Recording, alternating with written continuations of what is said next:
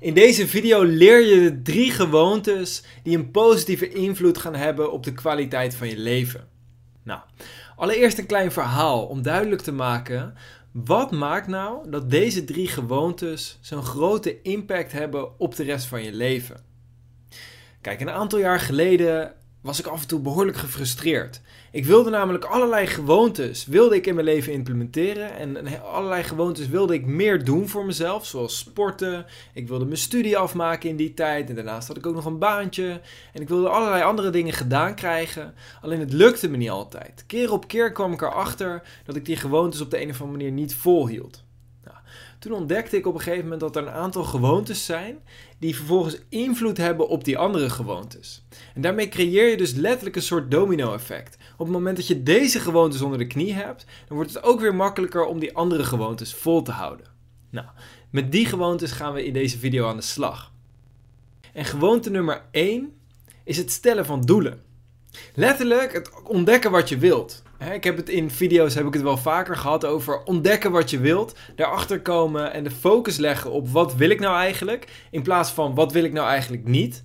Veel mensen zijn gefocust op wat wil ik niet. Ik wil niet meer dik zijn, ik wil niet meer gestrest zijn en ik wil allerlei andere dingen niet meer.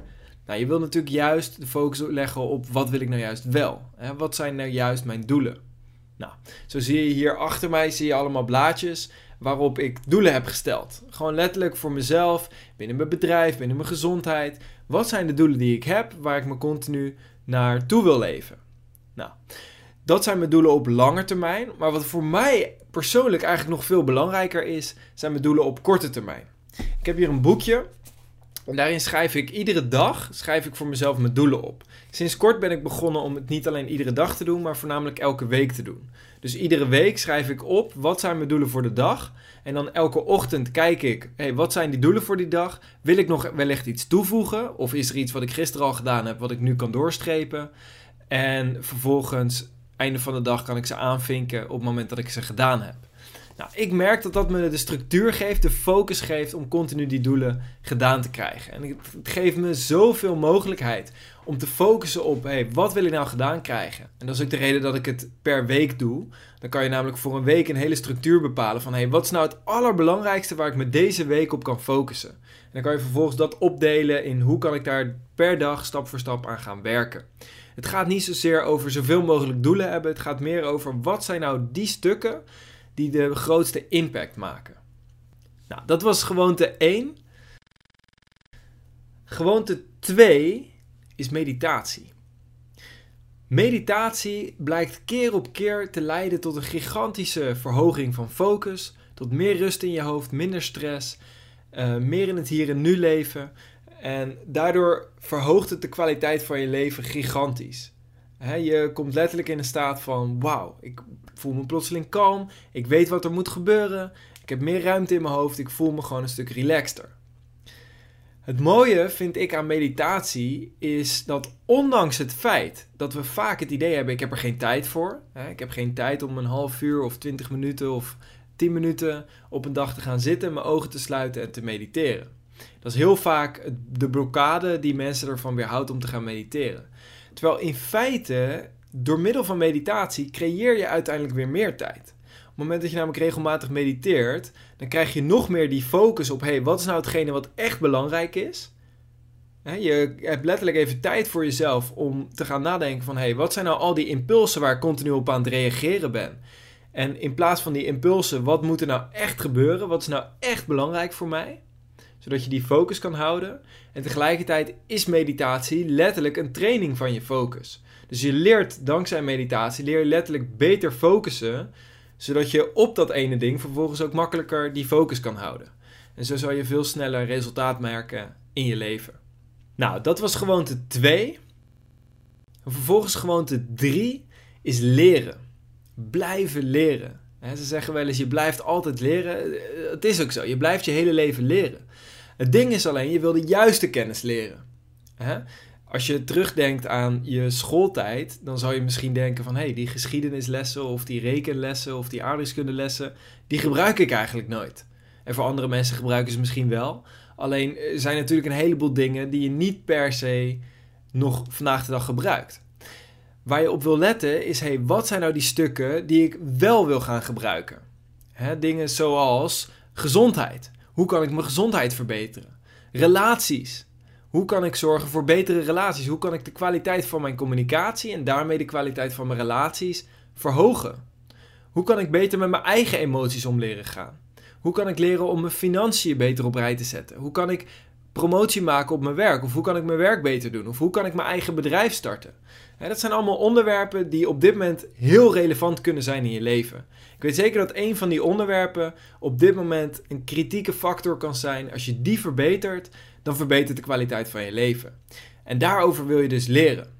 Je kan daar letterlijk honderden boeken zijn erover geschreven. Je ziet hierachter, zie een aantal boeken. Ik heb hier op mijn bureau heb ik een boek liggen van uh, Russell Brunson, Dotcom Secrets. Hele interessante voor mensen die met ondernemen bezig zijn. Die man, Russell Brunson, die heeft op dit moment een van de snelst groeiende softwarebedrijven ter wereld. En het mooie is dat mensen die zo'n bepaald succes bereiken, of bijvoorbeeld doktoren die helemaal tot in de detail hebben uitgezocht wat maakt nou een gezond eetpatroon, die schrijven daar vervolgens vaak een boek over. Dus die schrijven letterlijk hun kennis, hun informatie op, zodat jij het voor jezelf kan opnemen en kan ontdekken van hé, hey, hoe kan ik diezelfde tips en trucs toepassen om de kwaliteit van mijn leven te verbeteren? Nou, er is altijd één ding wat ik je op het hart wil drukken als het gaat over lezen en leren. Knowing without doing is the same as not knowing. Oftewel, kennis hebben zonder het daadwerkelijk toe te passen is feitelijk hetzelfde als die kennis niet hebben. Sterker nog, ik zou eigenlijk beweren dat het nog erger is.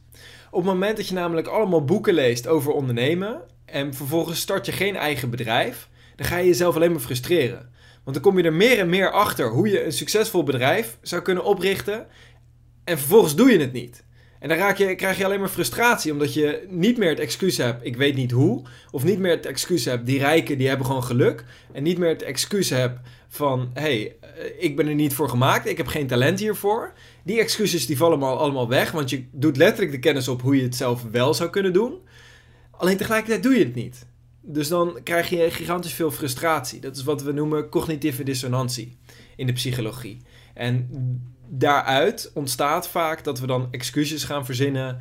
Uh, nou, weet je, ik kan het niet, of ik ben er niet voor gemaakt. Of dan creëer je letterlijk allerlei gefrustreerde situaties. Dat wil je gewoon niet. Wat je wil, is je wil die kennis zo snel mogelijk toepassen. er is een reden dat bijvoorbeeld dit boek naast mijn bureau ligt. Het is een boek over marketing, over business. Dus dat wil zeggen, op het moment dat ik aan mijn bureau met mijn bedrijf bezig ben, op, op het moment dat ik op mijn computer aan het werken ben, dan wil ik zo'n boek erbij hebben om die lessen direct toe te kunnen passen. het is leuk om zulke dingen alleen maar te lezen en dan doe je ook wel die kennis op. Alleen de vraag is dan, ga je het ook echt toepassen? dus je wil echt voor jezelf gaan denken, ook al is het maar één ding. Ook al lees je een heel boek en bedenk je vervolgens van, hé, hey, maar dit ene ding, dit is echt wat ik wil toepassen dan ben je in ieder geval een stap verder. Maar als je een boek leest en denkt van nou, was leuk en vervolgens doe je er niks mee, dan kan je eigenlijk beter een roman lezen. Hè? Want dan lees je een verhaal en dan doe je onderbewust neem je nog wat kennis op.